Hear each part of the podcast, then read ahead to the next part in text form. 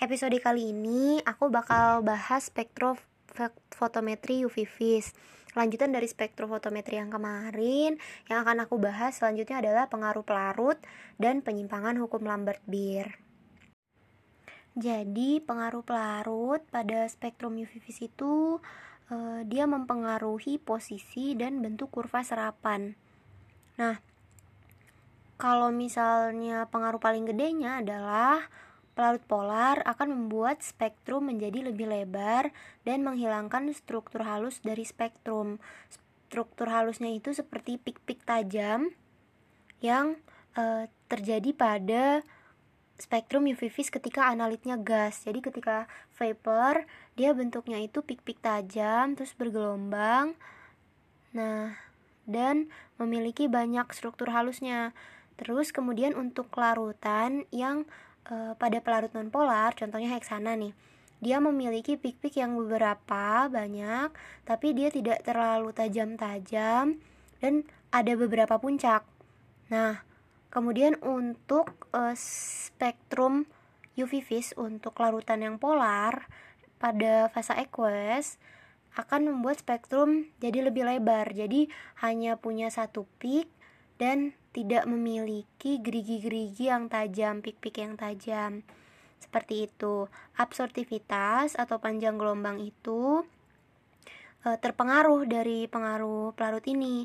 Jadi yang dipengaruhi dari e, pelarut ini adalah panjang gelombang maksimum dan epsilonnya atau absorptivitas molarnya. Nah, bisa jadi untuk senyawa yang sama, tapi kalau misalnya pelarutnya beda, spektrum senyawanya itu juga beda. Nah, kayak gitu. Contohnya nih, kalau misalnya misalnya digunakan analit dengan pelarut air.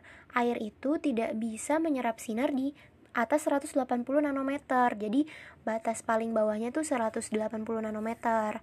Kemudian uh, aseton. Aseton itu bisa mengukur di atas 330 nanometer. Tapi kalau misalnya udah di bawah panjang gelombang 330, yang pelarutnya aseton itu udah gak bisa menyerap sinar. Jadinya susah untuk dibedakan. Nah, pergantian pelarut juga bisa mempengaruhi kurva serapan. Nah, misalnya nih, kita punya suatu analit dengan pelarut nonpolar.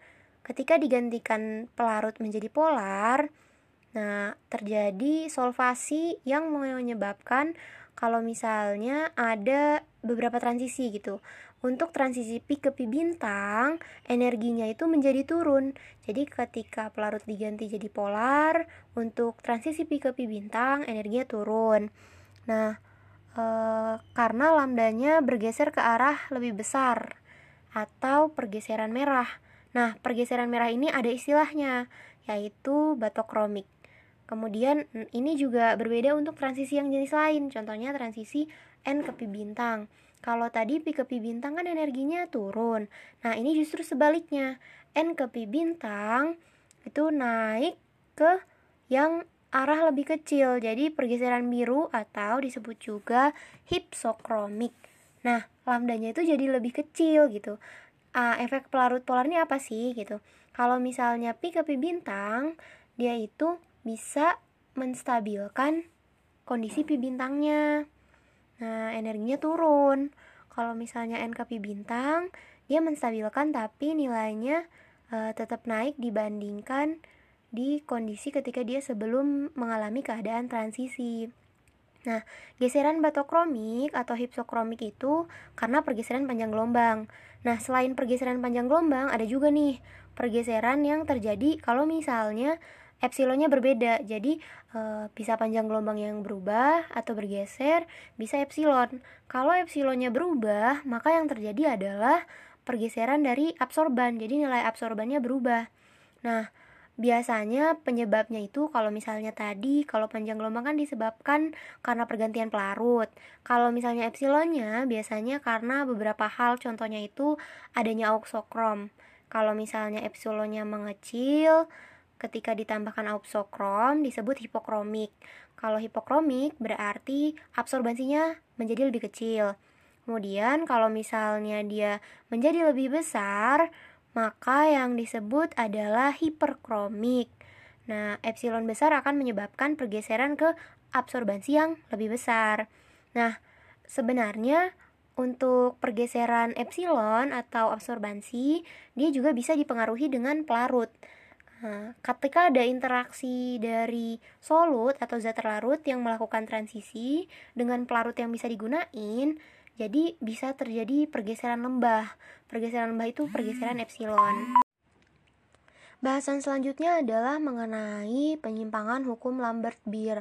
Jadi kita kan udah tahu ya kalau hukum Lambert-Beer itu yang mengatur uh, hukum mengenai absorbansi yang sebanding dengan konsentrasi dan absorptivitas molar dan lebar kuvet. Nah, absorbansi ini bisa mengalami beberapa gangguan. Nah, yang paling sering itu gangguannya itu diakibatkan karena reaksi kimia yang terjadi di analitnya. Nah, misalnya nih, kalau kita mengukur A gitu, suatu analit A tapi ketika kita mau melakukan pengukuran, si A ini terurai atau misalnya mengalami reaksi gitu, menjadi molekul B atau A aksen misalnya. Sehingga akhirnya pengukurannya itu jadi nggak tepat, yang kita ukur malah bukan si A, tapi si e, reaksinya, jadi si produknya. Nah, itu itu bisa biasanya ditemuin pada senyawa yang kalau misalnya dia mengalami hmm, kesetimbangan. Nah, contoh senyawanya yaitu asam lemah. Jadi kita udah tahu kan kalau misalnya asam lemah itu mudah terionisasi kalau misalnya pH larutan itu berubah.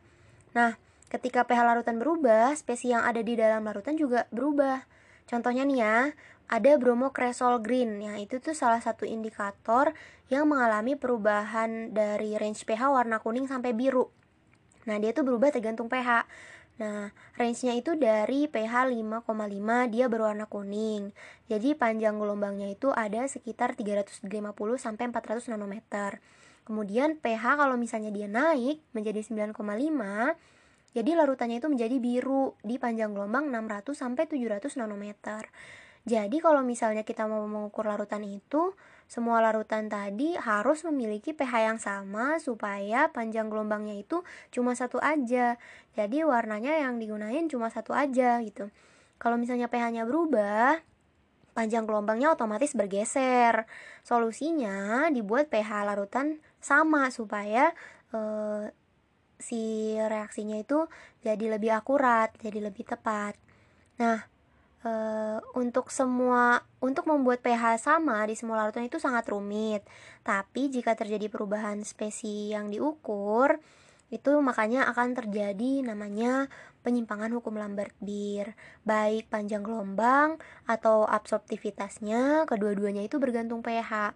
Nah, penyimpangan hukum Lambert-Beer ini yang memiliki nilai panjang gelombang berbeda dan nilai absorban yang berbeda untuk berbagai rentang pH.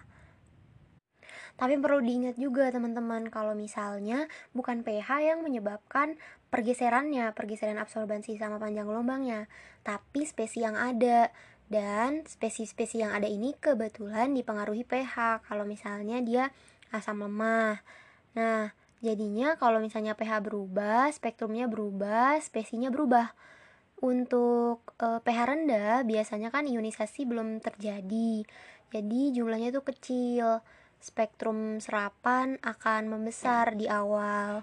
Kalau misalnya pH-nya naik, terjadi proses ionisasi. Nah, ini untuk e, asam lemah, sehingga yang mulanya puncaknya mengecil kan. Kemudian ketika panjang gelombang membesar, dia absorbansinya juga membesar. Artinya, jadi kalau ada sebuah reaksi penguraian sebuah asam lemah H-in menjadi H+ ditambahin e, ketika H-nya pH diperbesar, maka H-nya mengecil. Absorbansinya yang warna kuning jadi mengecil Akhirnya IMI-nya membesar. Absorbansi di daerah biru juga membesar. Jadi pH berubah-ubah, panjang gelombang berubah-ubah. Jadi absorbansinya itu berbeda-beda tergantung dari pH. Nah, harus caranya gimana sih untuk uh, pengukuran yang seperti ini gitu? Supaya pengukuran absorban tidak dipengaruhi pH larutan, maka harus diukur pada titik isosbestik. Nah, karena di titik itu isosbestik absorbannya itu selalu sama jadi kita tidak nggak perlu gitu mengukur pH larutan kalau misalnya uh, kita ngukurnya di panjang gelombang titik isosbestik. Nah, apa sih titik isosbestik? Isosbestik itu adalah titik ketika untuk spesies asam lemah yang mengalami ionisasi, nilai absorbannya itu selalu sama. Nah, hal ini tuh yang diperlukan untuk mengukur asam lemah dan basa lemah. Ketika panjang gelombang berubah, absorbansi berubah, fungsi panjang gelombang itu jadi berubah. Nah, menurut hukum Lambert-Beer, kalau misalnya konsentrasinya berubah, absorbansinya berubah, nah itu tuh merupakan fungsi dari konsentrasi yang tadi kita udah bahas, konsentrasi spesies yang berubah-ubah tiap pH gitu.